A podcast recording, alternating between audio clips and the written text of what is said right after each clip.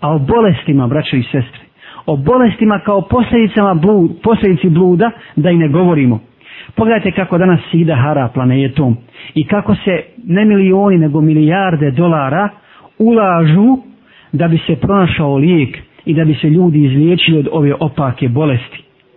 Ja vas pitam u ime Allaha Đelešanu.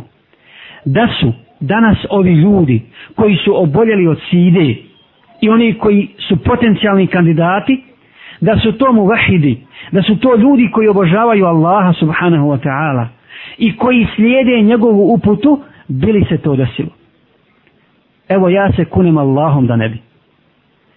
Kunem se Allahom da se to ne bi desilo. Zašto? Zato što kaže poslanik sallallahu alaihi ve sellem, neće se pojaviti blud u jednom narodu i da ga taj, i taj narod ga bude javno činio, a da im Allah Đelešanuhu ne pošalje bolesti ili nedadne bolesti koje nisu prije bile poznate. I kojima nema lijeka.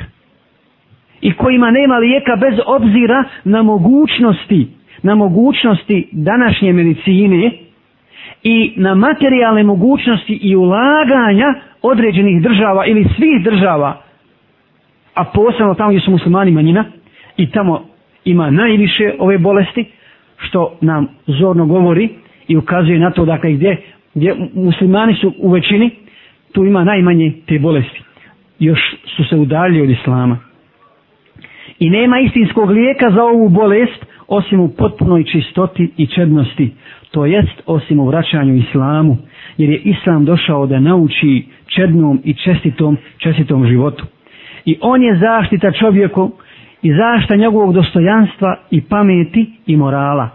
Bez islama, bez istinske besire, odnosno onog duhovnog, unutrašnjeg viđenja i svjetla koje Allah podaruje, čovjeku ne vredi njegova pamet.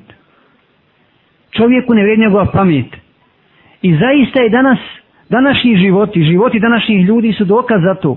Nećemo reći da oni nemaju pameti, da, da, da ljudi nisu inteligentni, svakako da jesu, posjeduju inteligenciju i pamet, ali pogledajte da je deviza ljudi danas i uvijek je tako bilo koji nisu vjernici, koji ne razmišljaju o ahiretu i ne veruju u ahiret i ne vjeruju sad pred Allaha Đalešanuhu, deviza im je iskoristi što se može iskoristiti. To je deviza.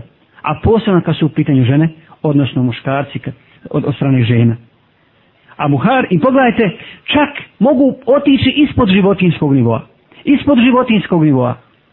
Poslušajte hadis, možda smo ga nekad i slušali i citirali, koje ga bilježi Buharija. Dakle, Buharije, Buharina zbirka hadisa je najvjerodostojnija zbirka hadisa posle, e, koju čovjek može imati u svojoj knjizi, u svojoj kući, posle Kur'ana.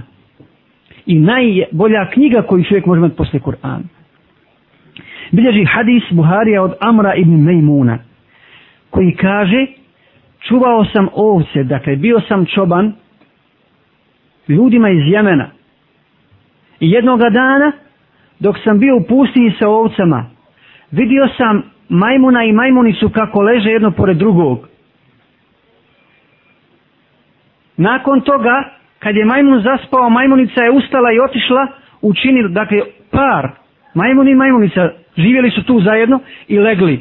Kad je on zaspao, ona je otišla i učinila zinalu s drugim majmunom. Kad se probudio majmun, ona se vratila, primijetio je kod nje nešto. I onda je odveo, odveo je u čopor majmuna i vidio sam da nešto objašnjava, da je ljut, kao da nešto govori. I objasnio im je o čemu se radi i onda su našli, našli majmuna s kojim ona to uradila i odveli su ih Odveli su ih u jednu dolinu, okupi, našli mnogo kamenja, dole mnogo kamenja kaj obo dvoje kamenovali.